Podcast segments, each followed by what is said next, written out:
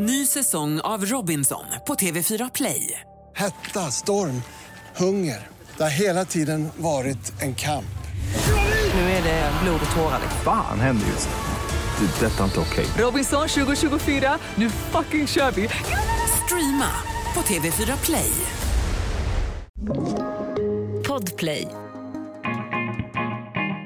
Och jag har, alltid, jag har alltid tyckt om att tjäna pengar. Jag har alltid tyckt om att hitta nya sätt att tjäna pengar. Men det är klart att det ibland krockade med stolthet och kanske min vision att jag faktiskt skulle jobba som skådespelare på heltid. För det var ju såklart drömmen då. Där skulle jag behöva bygga upp någonting. Här har jag någonting. Och det är en jävla skillnad liksom. För er som har följt livshjulet länge så är det ingen nyhet att jag våren 2021 delade programledarskapet för den här podden med skådespelerskan och influensen Claudia Galli Concha. Det blev 15 härliga avsnitt och när vi valde att lägga vårt samarbete på is så kvarstod vänskapen. Claudia är en person som inspirerar mig på många sätt och som har gjort ett livsval jag respekterar och som kräver både mod och tillit. Hon har valt friheten i livet före tryggheten. Eller som vi båda väljer att se det, frihet är vår trygghet. Idag har jag bjudit in Claudia för att prata om just det här. Hon ska få berätta om sina livsval som bland annat inneburit att aldrig ha haft en fast anställning och att bryta upp från livet i Sverige som småbarnsmamma för en solig tillvaro i Los Angeles. Var hittar Claudia sin inspiration? Och vad behöver hon för att känna sig trygg? Ja, och såklart, vilka tips har hon till dig som vill leva ett liv i större frihet? Du lyssnar på Livshjulet. Jag heter Anna Hegerstrand och veckans gäst är Claudia Galli Concha.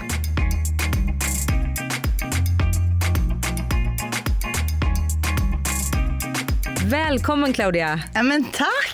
Det är ett år sedan typ vi satt här senast. Ja, jag känner när du sa jag heter Anna Hegerstrand så vill jag säga och jag heter Claudia Galli Concha. det hade du gärna fått säga.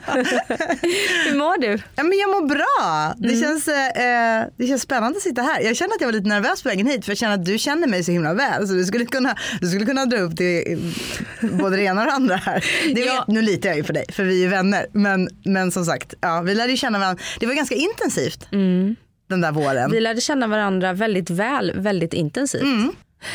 Men du, idag så ska vi prata om eh, ett ämne som vi båda delar eh, en passion för och där du verkligen har gjort ett statement och där du också gör ganska mycket content. Du har gjort business på att välja frihet före trygghet kan man säga.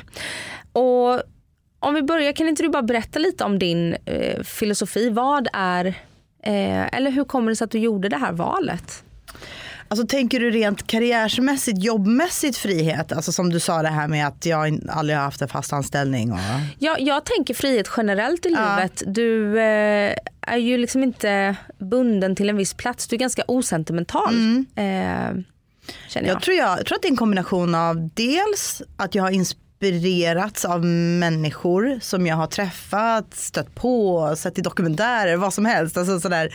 Man plockar ju med sig så mycket saker från så många olika liksom, forum. Det kan ju vara människor man träffar, det kan också vara människor man följer, det kan vara allt ifrån eh, ja, men kända profiler till, ja, men till vad som helst.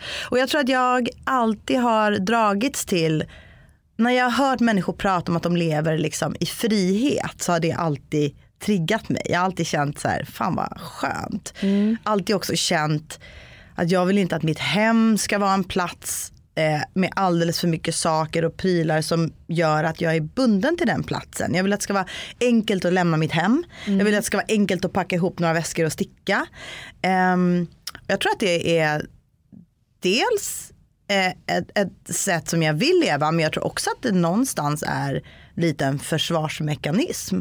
Alltså att jag har nog eh, Alltså jag har inte haft sådär jättemånga trygga punkter i mitt liv. Eh, och det har gjort att, att det där har blivit ett försvar för mig. Att så här, dels, jag klarar mig själv, jag kan, kan själv. Eh, och se till att jag har det livet på något sätt. Att jag, att jag vet att jag har ju aldrig haft en fast anställning och det tror jag nog mer beror på också att jag kom in i skådisvärlden så himla tidigt i livet. Jag var ju 14 när jag började professionellt eller vad man säger. Mitt första stora betalda jobb var ju när jag var 14. I skilda världar. Ja det var ju senare, det var när jag var 19. Men 14, jag började ju samtidigt som jag gick i gymnasiet. När jag började första ring så började jag en tv-serie på ungdomsprogrammet Bullen. Ja. Man måste vara uppe i en viss ålder för att komma ihåg det ungdomsprogrammet men i alla fall. Där var jag Där med. är vi. Där är vi. Ja. Behöver inte prata mer om det. Nej. Eh, nej men, eh, så det var ju mitt första jobb och, och som skådespelare är du ju fri, oftast frilans. Ja. Om du inte är fast på en teater. Det är ju egentligen den enda fasta anställningen du kan ha som en skådespelare.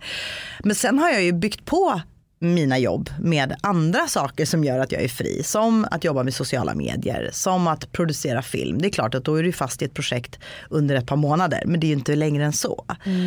Och jag bara, jag vet inte, jag gillar det. Jag gillar att jag inte vet vad jag ska göra om ett år. För mig har det aldrig varit och jag vet inte hur många diskussioner jag haft om det här. Men känner du inte stressad och hur vet du att du ska få in pengar? Hur, för att jag har alltid, jag har fixat det på något sätt. Jag har alltid sett till att fixa det. Jag vet när jag var arbetslös efter, när jag gjorde Skilda världar då under tre, in, tre nästan fyra intensiva år, tre var det väl. Från det att jag var 19 till jag var 21. Eh, och kom ur det. Eh, och hade liksom, fick absolut inga jobb, trodde att jag skulle liksom bli överöst av skådisjobb. Det trodde nog alla unga såpaskådisar som kom ut i världen då. Eh, och det var några få som jobbade mycket och vi andra gjorde andra saker. Eh, och jag var en av de som gjorde andra saker. Och då, eh, då började jag köpa in smycken från Kina och stod i så här lunchmatsaler på stora företag och sålde smycken på lunchen. Ehm, och tjänade pengar på det sättet. Och den idén fick jag av en, eh, en väninna, eller en mycket äldre väninna till mig som eh, jag stod i hennes butik också och jobbade extra. Och hon gjorde det där i lunchbutiker. Då tänkte jag, men, eller lunch, eh, lunchmatsaler. Och då tänkte jag, men då kan jag också göra det. Så då började jag köpa in, det var när Ebay precis hade startat. Började jag köpa in billiga smycken från Kina och så stod jag så här, TV4s lunchmatsal typ. Eller postens stora terminal, deras lunchmatsal. Jag åkte till sådana här ställen där de inte hade möjlighet att gå ut på lunchen och handla någonting. Liksom. Och då tänker jag, för att göra det krävs ju en viss prestigelöshet. Man Mm. kommer från liksom att vara i rutan på TV4 eh, i skilda världar till att stå i matsalen och sälja smycken. Till att sälja en sjal till Malou von Sivers. Ja men liksom. exakt och jag tror att den tröskeln skulle vara väldigt hög för ganska många. Eh, och no offense men speciellt inom din bransch.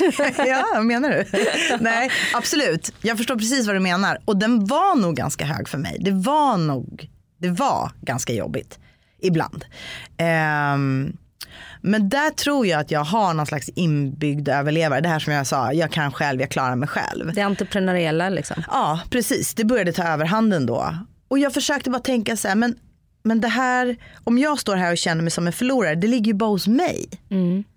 Sunt att tänka så vid 21-22 års Ja, ålder. ja. Och, och, och så här, ja men man blir ganska sund ibland när det, det kommer till ren överlevnad. Det är så här, jag måste betala min hyra. Jag måste liksom, för jag vill fortfarande bo i den här lägenheten själv. Och jag måste betala min hyra. Och jag har alltid, jag har alltid tyckt om att tjäna pengar. Jag har alltid tyckt om att hitta nya sätt att tjäna pengar. Men det är klart att det ibland krockade med stolthet och kanske min vision att jag faktiskt skulle jobba som skådespelare på heltid. För det var ju såklart drömmen då. Ehm, men jag, ja, jag vet inte, redan då så var det någonting som kickade in i mig att jag bara kände så här, ja men okej nu, nu får jag bara göra det här och vad är det som gör att det här känns motigt och jobbigt? Och då tog jag tag i det på något sätt. Alltså så här, det, det här är ju bara vad jag tänker. Och så här, hade jag känt så om jag såg någon skådespelare från någon tv-serie stå och göra något annat, nej men det hade jag ju inte. Och då känner då ligger ju det i betraktaren på något sätt. Om den, om den personen, då är ju det bara en elak människa. Ja, en person som ser ner på andra, ja precis. Men du sa att det kan, eh, den här strävan efter frihet och att inte vilja vara beroende, att det också kan vara en försvarsmekanism och att du inte har haft så många trygga punkter i livet. Vad har du fått med dig från din uppväxt som har präglat det synsättet? Men eh, så här, jag har absolut haft en trygg, normalt trygg upp, uppväxt. Eh, men jag tror också att jag många gånger känt mig ganska ensam. Jag är uppvuxen som supersladdis, så att i princip ensam barn. För det är ju 14 år mellan mig och mitt äldsta, eller mitt yngsta förlåt, syskon. Och 21 år till mitt äldsta syskon. Så att jag har ju verkligen vuxit upp som ett, som ett ensam barn. Och med, med föräldrar på 80-talet som, men som det var. Liksom. Man var. Som ensambarn så var man ganska ensam på den tiden tror jag. Jag tror att sättet att vara förälder på, nu generaliserar jag, men, Mm. men har nog förändrats ganska mycket idag. Det tror jag med. Jag tror att vi är mycket mer engagerade i våra barns liv och liksom eh, att engagera sig i sitt barns liv handlar inte bara om att man kör dem till sina aktiviteter längre utan det handlar om att man faktiskt kanske sitter och pratar med sitt barn och interagerar. Och, ehm, eh, så det kan jag väl någonstans känna att där så var jag nog ganska ensam mycket. Jag reste mycket med mina föräldrar och de var ju två vuxna människor som levde sitt liv och jag var med. Och då tror jag att man någonstans bygger upp en, en egen värld som man, som man befinner sig i. Och så här, jag kunde ligga och rita under eh, matbord medan de hade affärsmiddagar i Italien. Min pappa jobbade med, jobbade med italienska möbler. Kunde ligga där i några timmar liksom, och rita. Det fanns ju inte iPads på den tiden. Eh, I min egna värld. Och jag tror att den där egna världen har jag blivit ganska bekväm i. Och jag känner mig väldigt trygg i den. Så att jag tror att det är det som gör att att jag känner mig fri och som du säger den här friheten att det är liksom min värld. Det är den jag har skapat och som jag kanske började skapa redan runt när jag var 5-6 år. Där jag befinner mig, där jag kryper in när jag, jag har alltid trivts väldigt bra med att umgås med mig själv. Jag, har ingen, jag har aldrig någonsin haft så här, åh kryp i kroppen, måste ut och träffa folk. Liksom, utan alltid väldigt nöjd i, min, i min ensamhet. Nu har jag ju två barn och en man, så nu är jag inte ensam på samma sätt längre. Eller själv på samma sätt längre. Men, men det är absolut viktigt för mig att skapa de där stunderna. Ehm, så jag tror att det är det. Och sen så tror jag också när man alltså börjar frilansa redan som, som 14-åring så hamnar man i lite samma läge. Du är ju supersocial men du är också ganska själv. Ja. Mycket själv. Det, det är ju jag och eh, läsa min text och det är jag och, och fixa och dona och åka till jobbet och träffa nya människor varje dag för man spelar in scener med olika människor. Och man har liksom sig själv att hålla i handen på något sätt. Och du sa tidigare här att du eh, ganska, kan vara ganska introvert Mm. och att vi kanske kommer till det senare. Jag tänkte vi skulle göra det. Är det dags nu? Ja, på vilket sätt? För du uppfattas ju som en person som är väldigt extrovert och liksom social, trevlig. Du känner alla eh, och alla känner dig. Eh, på vilket sätt tar sig den här introverta sidan i uttryck? Alltså, det här är ju verkligen något som jag har börjat luska i på senare år och senare tid. Och, eh, eh, och det, det tog väldigt lång tid för mig att förstå därför att jag fick inte ihop världarna. Jag fick inte ihop den här sociala eh, skådisvärlden där man liksom konstant träffar folk. Det är fester, det är events, man går på premiärer. Man liksom, men det kostade så otroligt mycket för mig ibland att göra det.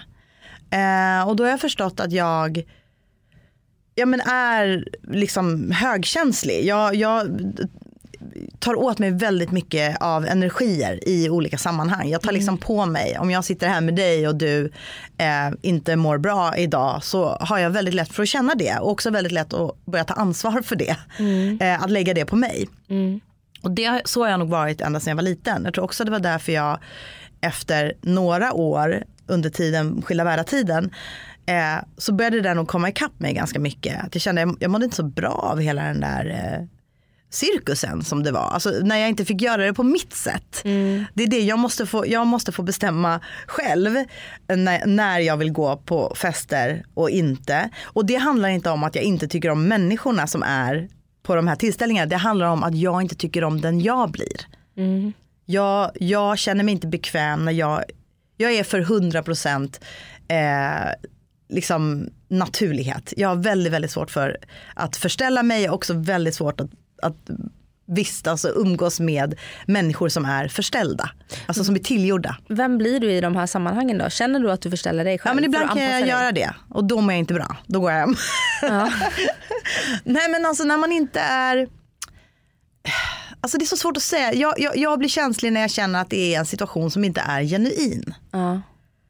Att till exempel så här, jag var, på filmfestivalen i Cannes någon gång. Och där är ju verkligen ett sånt där ställe som, där folk, man står och pratar, människor man står och pratar med alltid tittar en över axeln för att liksom så här, det kan finnas någon som är lite lite mer spännande här bakom. Det är en sån situation som jag mår fruktansvärt dåligt av. Jag var liksom som, som så här, känslomässigt bakis i ja, men typ en vecka efter den där Cannes-vistelsen. För att jag var så dränerad liksom. Och hur tar sig det uttryck då?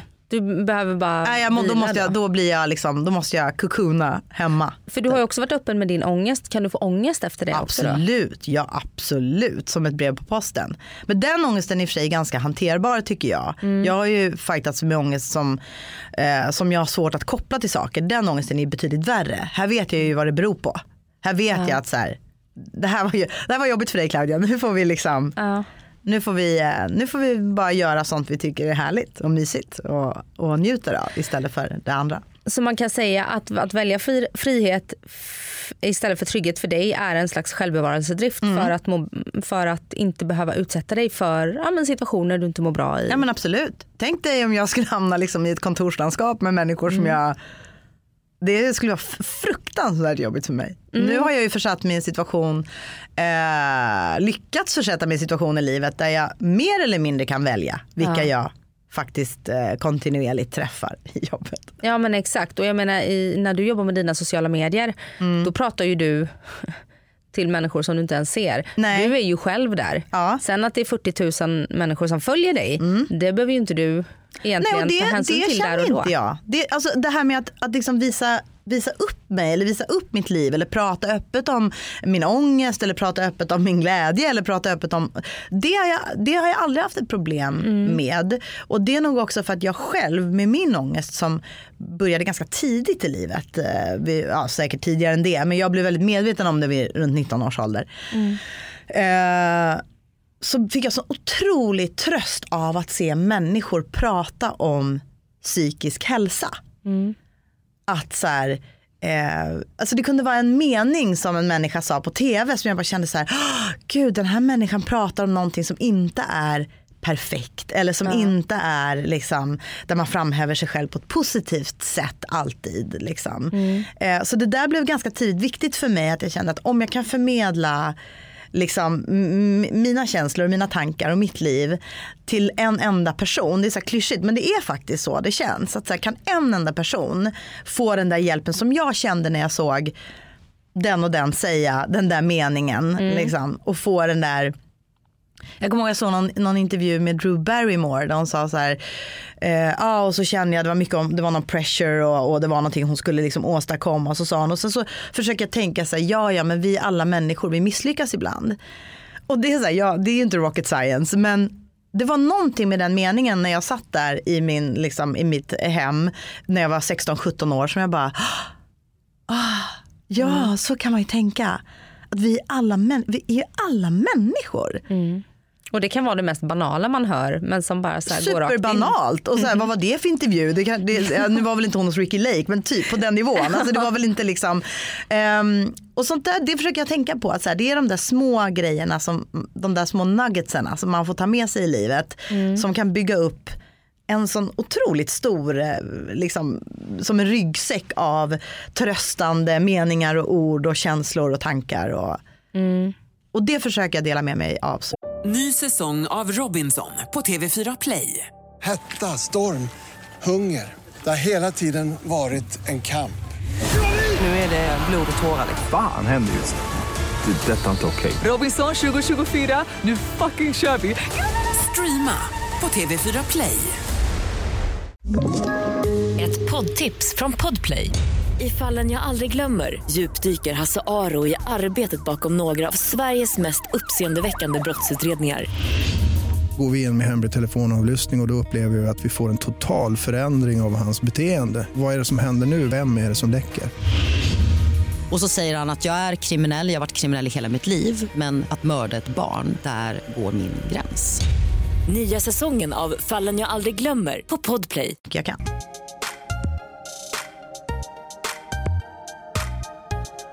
I samband med att eh, eh, vi slutade göra livshjulet så valde du också att sluta blogga.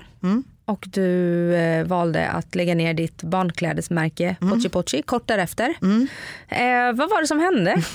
På tal om, blev det, Ja. för, blev det för många måsten? Ja, men jag tror att jag är ju väldigt eh, eh, lustdriven. Alltså, när jag gör saker så måste det finnas, eh, det kan inte liksom bara finnas massa pengar eller eh, eh, tankar på att det kan här kan ta mig till nästa nivå. Eller så. Det måste finnas lust i det. Eh, och om vi benar upp det så är det så här, vad det gäller podden, där tror jag att det handlar om att jag fick den där känslan som jag får på events när jag inte känner mig som mig själv. Ja. Jag kände att det här var inte ett forum för mig. Jag var inte, jag var inte den här personen som passade i att ha den här typen av podd. Ehm, och sen vad det gäller klädesmärket så det, jag, jag hade verkligen ingen lust längre. Det var inte, jag hade liksom inte, jag visste att om jag skulle fortsätta med det så skulle jag behöva lägga i en extra växel. Och den växeln fanns inte. Alltså jag, bara, jag försökte och försökte. Jag, jag plockade hem lagret till vårt eh, kontor för jag kände då kanske jag kände mig närmare varorna. Du vet. Jag anställde en person som jobbade deltid som skulle vara bollplank och det var så här hur mycket hon än bollade så kände jag liksom inte nej. Och bloggen samma sak. fanns absolut ingen lust för mig att fortsätta blogga och där handlar det väl också om att hela det, den sociala medievärlden har ju förändrats så mycket. Instagram har ju blivit nästan vad en blogg var på den tiden. Jag menar idag är det så här, det är ganska bökigt, det beror på säkert var man ligger någonstans. Men den bloggen jag var på i slutet där, det var ganska bökigt att kommentera. Och he, hela vitsen för mig med att, att ha sociala kanaler ut är just för att nå ut. Så bloggen för mig blev till slut en kanal där jag kände att jag satt och skrev för mig själv på kvällarna. Mm, då kan man lika väl skriva dagbok. Och man fick kanske en kommentar. Och då känner jag så här, den nära kontakten, för jag är ju verkligen så här, jag är nitisk, jag svarar i princip på allt på Instagram. Den kontakten fick jag inte i bloggen. Och då blev det till slut så här, det spelar ingen roll att det var bra pengar i det där. Det fanns ingen lust. Jag satt varje kväll och så här, Åh, vad ska jag skriva? Vad ska jag skriva idag? Satt och kollade runt i rummet. Kan jag skriva om taklampor? Nej, men det bara, nej. Kreativitet blir ju ett måste också när man håller på med sociala medier. Mm. Det går ju inte bara så här, idag så känner jag för att lägga upp det här som jag. Jag har ju liksom 500 följare på min Instagram Mm. och lägger upp när jag står framför ett fint vattenfall Mm. här senast. Då var det kul att lägga upp. Men sen så kan det ju gå en vecka. Mm. För jag vill säga varför ska jag lägga upp det här? Vem bryr sig? Vem bryr sig om det där vattenfallet ändå? Ja. Men det var en fin bild. Ja, så kan man ju inte tänka om man ska jobba med Instagram. Nej, jag vet. Det- det är så om du någon gång gör ska det. sadla om då får du komma till mig för jag coachar dig lite. Ja. Då kan man inte gå och tänka vem bryr sig. För det skulle jag ju kunna tänka om alla mina inlägg också. Ja, men faktiskt, vem jag bryr skulle sig om vad jag har på mig idag? Jag skulle nog säga, för jag följer ju dig och jag Ja. Mm. ser mycket av det du gör. Och jag skulle nog säga att 99,9% av det du lägger upp hade jag känt så här. Vem bryr sig om mig? Ja, ja, det är det jag menar. Så att en dålig dag. Ah, shit, det där hade inte varit bra för min självkänsla. Nej, men nu har jag hållit på med det så många år så nu, nu är det nästan som en, ja, men det är liksom som en fabrik på något och, du, och du får ju ett kvitto på att folk bryr sig. Ja. ja, ja, absolut. Ja. Men jag vet också att du sa till mig att så här, ja, men jag kan ju inte vara så här 45 och hålla på med sociala medier. Jag, får hålla, jag, det? måste, ja, jag bli, måste bli vuxen snart. Så har du sagt till mig. Ja men det har jag nog ändrat mig lite om. Ja, jag tänker också det för du har ju verkligen gasat och gör s- Ja. jättefint innehåll och ökat i antal följare. Och... Ja, men jag har Så. nog alltid, det är klart att jag har brottats mellan så här i och med att jag är spretig i min karriär. Jag gör ju allt från att eh, liksom, skådespela, jag producerar film, jag har poddat, jag har bloggat, jag har instagrammat, instagrammar fortfarande. Um, starta klädesmärken, jag har gått in i ett klädesmärke eh, som investerare nu. Jag gör ju tusen olika saker och jag tror att nästan faktiskt fram till för ett år sedan Eh, eller då när vi, när vi eh, bestämde oss för att avsluta vårt samarbete, eller jag bestämde mig för att jag inte skulle göra det längre. Eh, och det var ju massa skuld och jobbigheter med det också, men det kan man ju höra på det sista avsnittet där som vi spelade in om man vill veta mer om det. Men jag tror att jag tror att i och med den rensningen jag gjorde då med bloggen, jag bestämde för att podd är nog inte riktigt mitt forum överhuvudtaget. Det handlade, handlade, handlade ju inte om dig, det handlade ju inte om oss. det Ja, och handlade, vi kan ju vara tydliga att så här, den där skulden och skammen det var ju ingenting som, det var ju det som du kände Det var ju något som inifrån. jag skapade, det var Jag inget som du la på mig. förståelse. Nej, nej, nej. Nej, du hade ju full, ja gud, det var ju nästan f- för lätt. Jag tänkte att nu kommer hon gå hem och sen kommer hon skicka så här avhuggna. Nej, men jag vet Jag inte. funderade på att lägga ut ett inlägg på Instagram och så tänkte jag vem bryr sig? Det hade de kanske gjort. Ja. Smaskigt är alltid roligt. Poddbråk, ja. Nej, men jag tror att jag faktiskt i den vevan, och då hade jag kanske sagt innan, jag kan inte hålla på med det här när jag är liksom 45 snart. Mm. 44, jag är faktiskt inte ens 44 än. Fyller 44 i sommar. Jag vet, så du har ett tag kvar. Ja, jättelångt kvar. Kan jag hålla på med Instagram ett år till. Nej men jag tror att jag i och med den rensningen blev lite klarare med att så här, jo, jag kan visst göra tusen saker. Men jag måste brinna för allt. För så fort jag inte brinner, då blir jag den där människan på det där eventet som känns att allt är på låtsas och då får jag panik. Ja, jag förstår. Mm. Och sedan dess så har ju du och din man Mm. eh, släppt förra årets bäst, mest sedda film, Ja, Swedish. ja.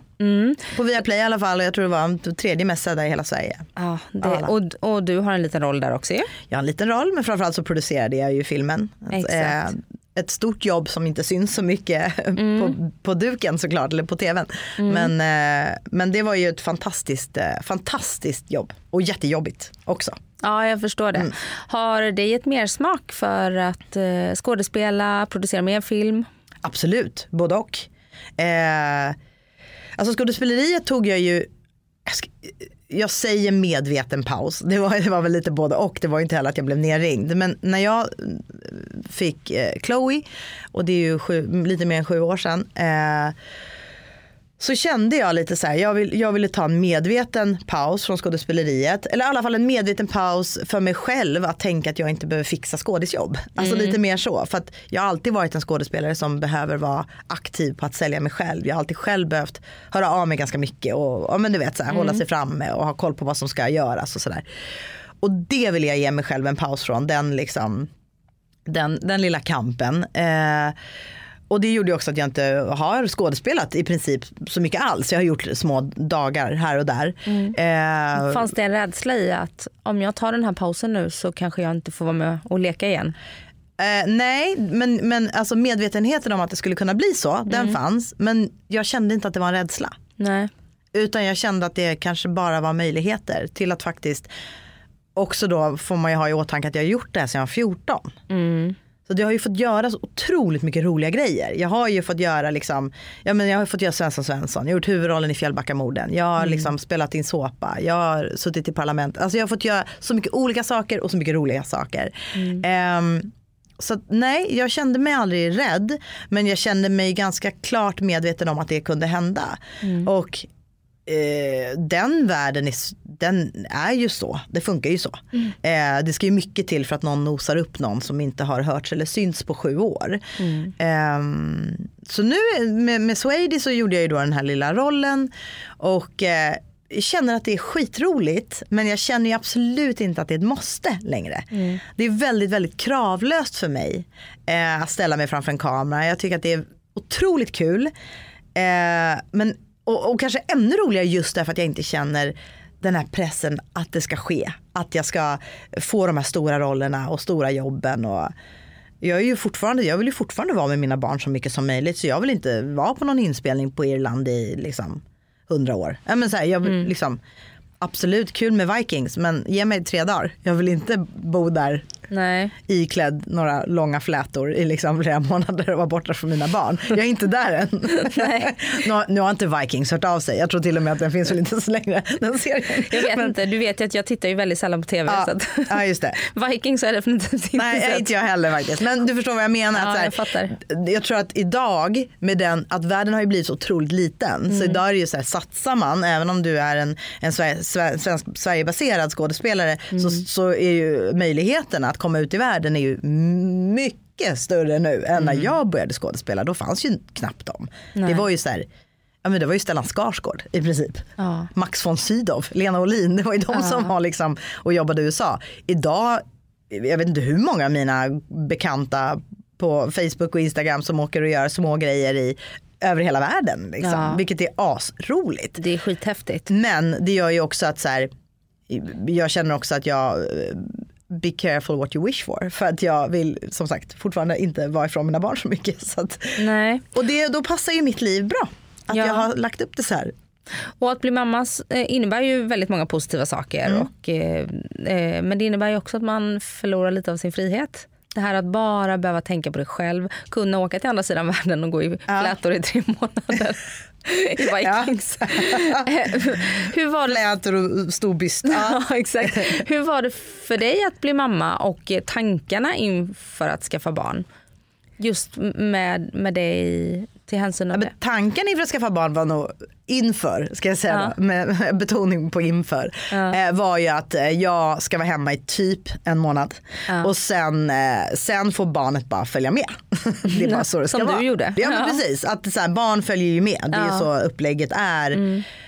Och så fick jag barn och sen så förändrade ju det eh, hela min värld på ett jättepositivt sätt. Mm. Och jag kände så här, shit vad häftigt att bygga en på riktigt relation med mina barn.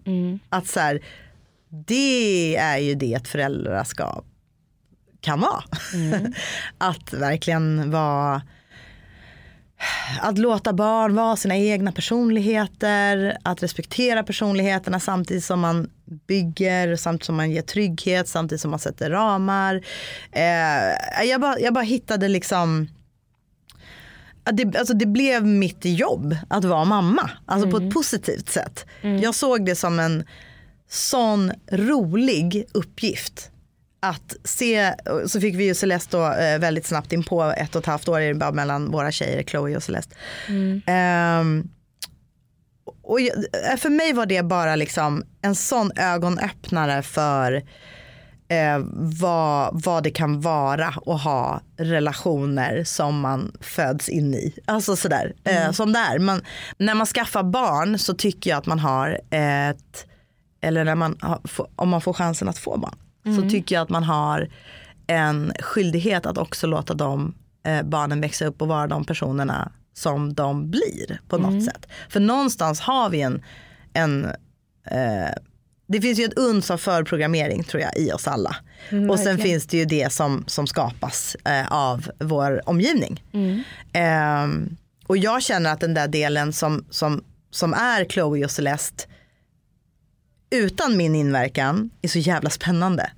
Alltså den vill jag se, den vill jag liksom underbygga och bara få blomma och frodas så mycket som möjligt. Och det känner jag att jag kan göra genom att ge dem mycket tid och mycket trygghet och mycket närvaro. Eh, så för mig så ble, blev ju beslutet ganska fort att jag ville eh, vara med dem så mycket som möjligt innan de skulle börja förskolan. Så jag blev ju hemmamamma eh, och var det i fem år. Mm. Och ni valde också att eh, bryta upp från Sverige under några års tid och flytta till Los Angeles. Ja. För att din man fick jobb också. Ja, eller ja, både och. Han skaffade sig väl jobb för att vi skulle kunna vara där. Ja. Jag såg, insåg ju ganska snabbt att, eh, jag insåg snabbt att jag ville vara hemma eh, mamma länge. Men jag insåg också snabbt att jag vill inte vara det i Sverige. Nej. för det är väldigt kallt i Sverige ganska många år, eller ganska många månader om året och eh, det är mörkt. Ehm, och jag kände att jag skulle bli ganska ensam med den eh, uppgiften med tanke på att ja, men de flesta barn går ju till förskolan vid ett och ett halvt, två års ålder. Ehm, och då, eh, Manuel, min man, har pluggat i USA eh, när han var 20, gick, som, gick han på college där och har ända sedan dess velat bo där. Och eh, jag har väl aldrig varit så här USA-frälst men sen vi var i Los Angeles första gången så var jag så här, jag såg det verkligen som en plats jag skulle vilja spendera mycket tid på. Eh, och då tog vi chansen. Och så, så började han jobba med ett produ- svensk-amerikanskt produktionsbolag där. Eh, så han fick då ett jobbvisum och jag fick ju vara med honom på det jobbvisumet. Fick absolut inte jobba där men det gjorde ju inte så mycket för det skulle jag ju inte. Eh, och så var vi där i tre år.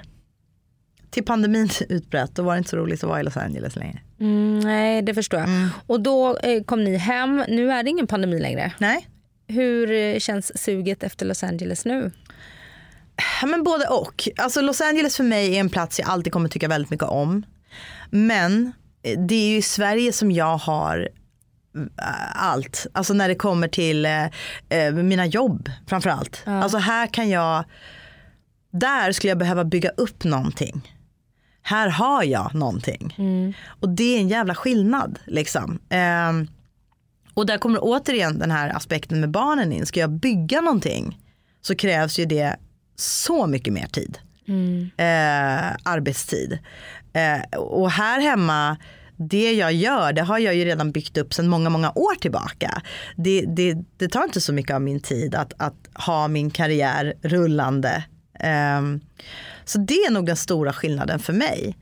Och sen också så här, jag, jag är ju född och uppvuxen här och även om jag inte har den där starka känslan av att jag måste vara nära min Alltså min storfamilj, min familj, min familj, men min storfamilj eller, eller mina vänner för jag känner att vi med sociala medier idag, eller med Facetime och allt sånt där idag, man kan ha så mycket kontakt ändå. Och man kan nästan ha mer kontakt än när man faktiskt bor i samma stad för man ses Ja. aldrig ändå, i alla fall.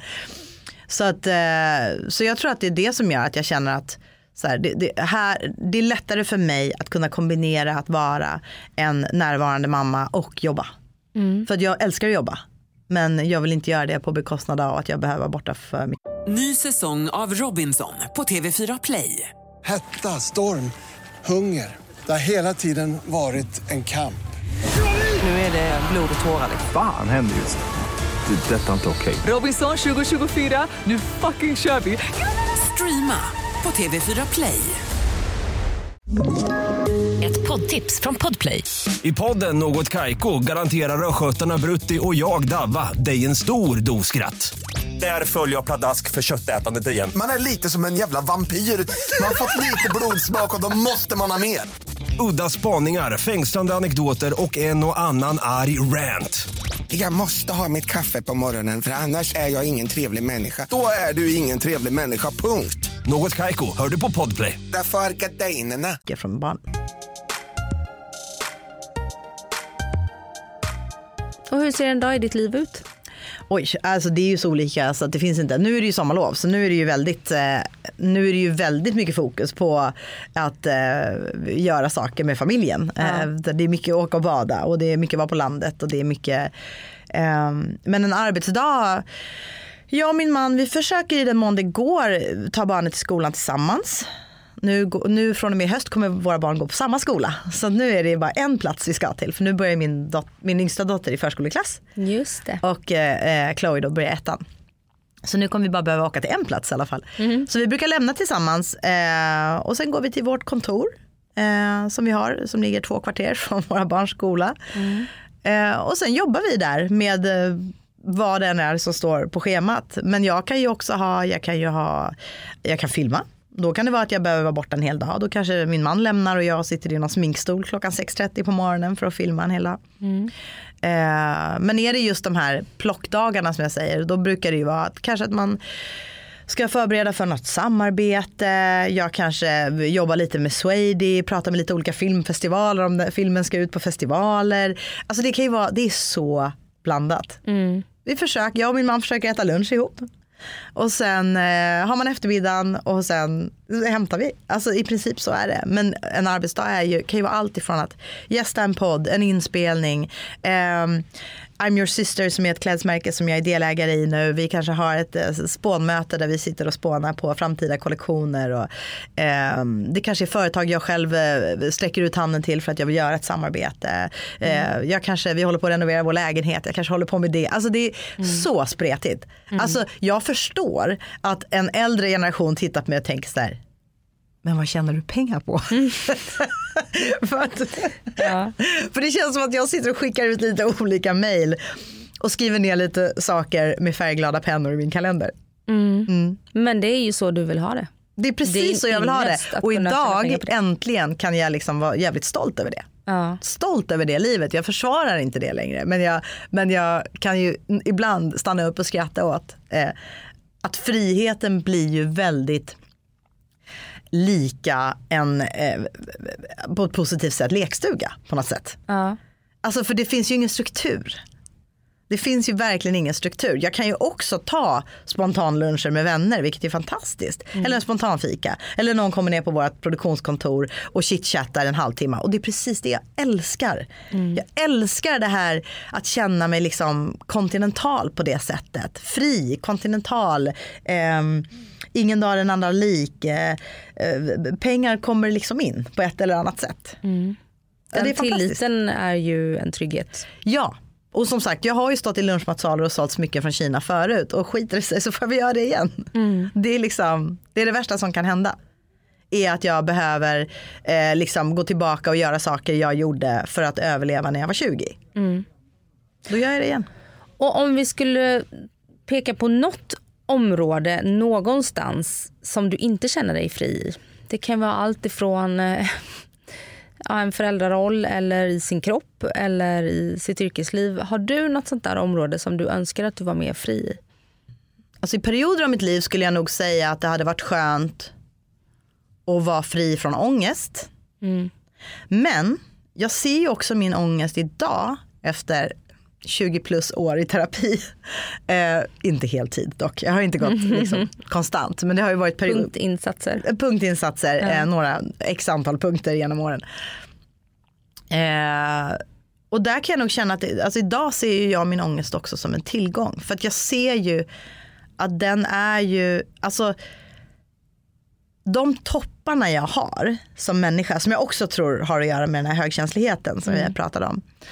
Eh, jag kan ju vara så high on life på ett sätt som är underbart. Alltså jag kan liksom komma ut på vårt landställe, öppna altandörren och dricka en kopp kaffe och njuta av det på ett sätt som är så här, som jag själv nästan kan tycka är uh, omtumlande. Fick jag med dig nu i känslan lite grann? Ja, verkligen. ja, ja. Eh, Jag, har, jag äh, fungerar ju likadant, det är därför jag skrattar. Och, och, ja precis. Eh, och, och, men sen har jag ju Dalarna som är fruktansvärt mörka och tråkiga. Och besvärliga. Alltså besvärliga att ta sig ur ibland. Men jag kan ändå så här summa summarum känna att de där topparna, de vet jag att de hade jag inte haft om jag, hade haft, om jag inte hade haft Dalarna. Nej. Och de är, det, då, det, fan då tar jag Dalarna alltså. Det är skitjobbigt när det är jobbigt. Det är det, det är det. Men samtidigt känner jag så här, men vad är det att leva då? Jag vill inte vara i mellanmjölken. Nej. Alltså jag vill inte det. Då får det fan vara hårt ibland. Ehm, och mörkt. Och, liksom, och det känns ibland helt orimligt att jag ska ta mig ur det. Liksom. Men då finns det ju terapi. Och jag säger inte att bara för att jag går i terapi så mår jag skitbra. Det kan ju ibland bara bli värre. För att man gräver ju saker som är jättejobbiga. Men, men det är nog om jag ska säga att där är jag ju inte riktigt fri. För att jag har ju fortfarande ett behov av att gå i terapi. Men någonstans så ser jag ju ändå det som en tillgång. Du, eh, vad skulle du vilja säga till, till de som upplever sig sitta fast i ett ekorrhjul med liksom ett par barn att försörja, en bostadsrätt eller ett hus med stora lån, en fast eh, anställning som man kanske inte trivs på, toppen. Ehm, ja, men för att man har någon slags idé om att livet bör se ut på ett visst sätt materiellt. Man har ett umgänge som kanske är ganska homogent med, ja, du förstår hur jag menar. Nej, jag fattar. Eh, alltså jag tänker, eh, jag är, ju, jag är ju så långt inne i den där jävla nystanet av att vara fri. Ja, Men- du har ju aldrig varit något annat. Nej jag har aldrig egentligen. varit något annat. Men jag tänker att det är ju som du säger, du är inne på det här med materialistiska. Och jag tror att där har vi en ganska stor akilleshäl för många. Att man, man har liksom byggt upp något som måste underhållas. Och jag tror ju att om vi börjar titta över vilka kostnader vi har. Jag menar idag, jag menar jag vet bara ibland när jag har gjort rensningar på vilka så tv-abonnemang jag har. Eller såna här film. Herregud, jag betalar liksom, ibland har jag varit uppe i tusen spänn i månaden. Och det slutar med att jag ser vad är det, en film. Och resten ser jag typ på SVT Play. Men alltså, så här, alltså jag tror att vi måste, man måste hela tiden försöka hålla rensa i hur mycket vi lägger ut ekonomiskt på saker vi kanske faktiskt inte behöver.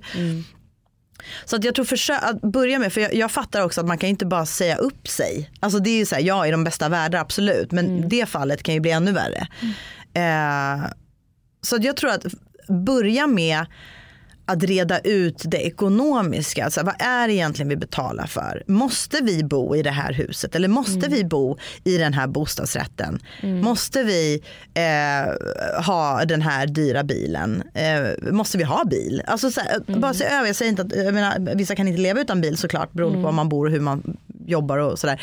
Men att man börjar se över sin ekonomi så tror jag att 80% av Sveriges befolkning skulle inse att man behöver ju inte allt det där man har. Nej, jag tänker att snarare än ekonomi så är nog mindsetet en större tröskel. För att man bygger upp... Man... Jag tror inte att det går lite hand i hand då?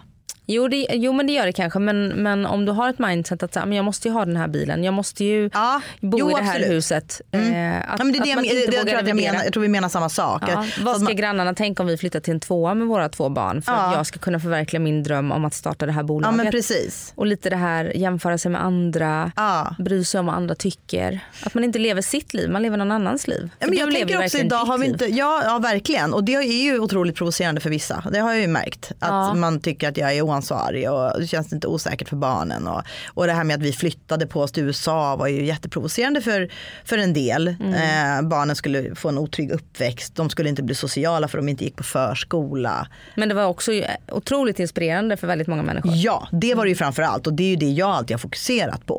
Men jag menar så här, den där ne- negativa sidan finns ju alltid, men jag tänker också alltid den, i, den, i de negativa krafterna finns ju alltid en, en avundsjuka eller kanske en önskan om att, att göra en egen förändring. Så jag tror, precis som du säger, att ändra på mindsetet, kanske, men också koppla det till ekonomi för jag tror det är ofta där vi hamnar. Man, Ja. är, man är rädd för vem är jag utan den här fina bilen och vem är jag? Och så här, det kanske är inför ens familj att man någonstans känner att man har lyckats när man lyckas köpa ett hus. Eller så här, Är man då misslyckad om man säljer det huset? Och där har vi ju ett ännu större arbete man måste jobba med och det är ju att hamna i den här tryggheten med sig själv.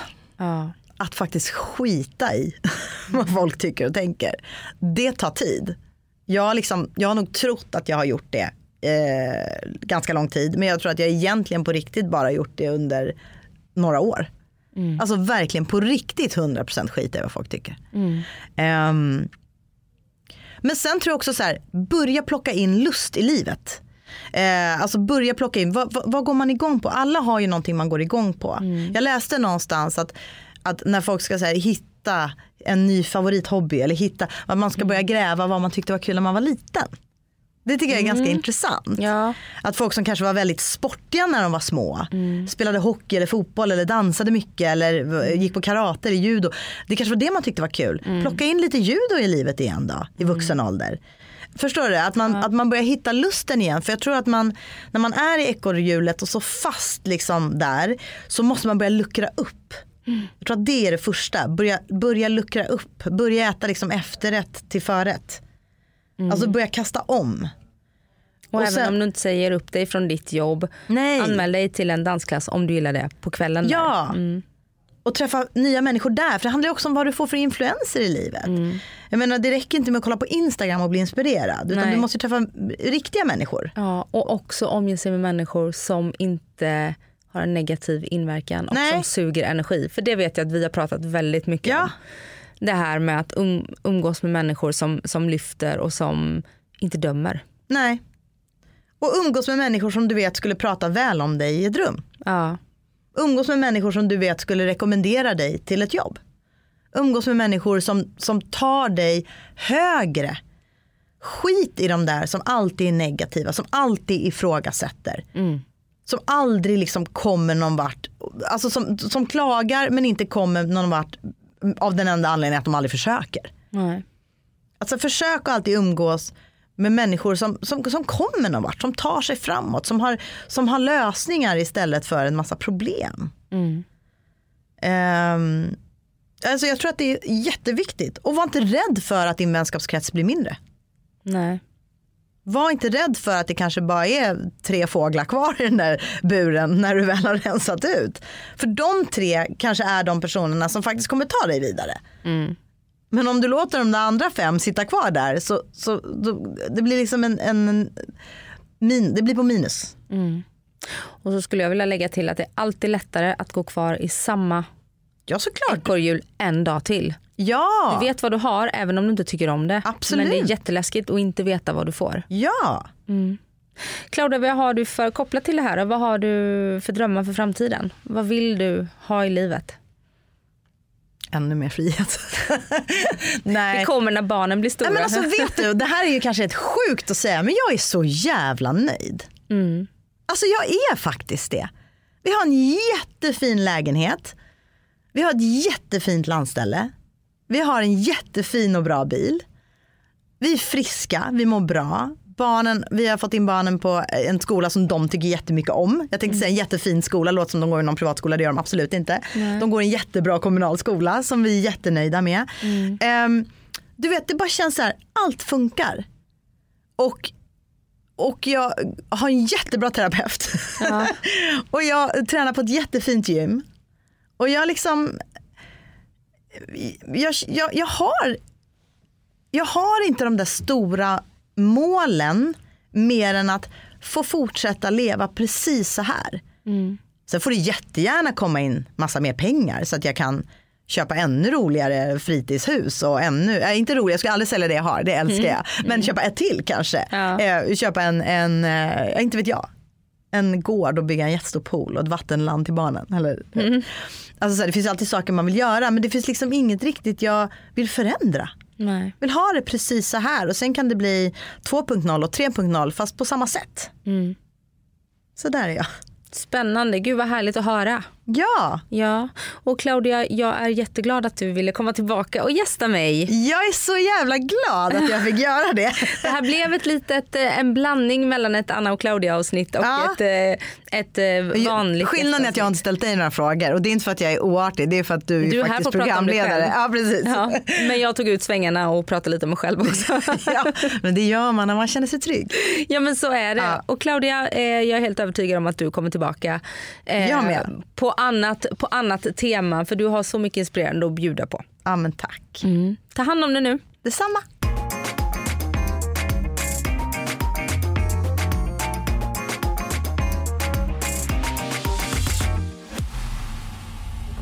Podplay, en del av Power Media.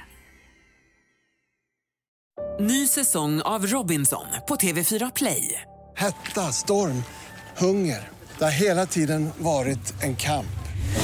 Nu är det blod och tårar. Fan händer just nu. Det. är Detta är inte okej. Robinson 2024, nu fucking kör vi! Streama på TV4 Play.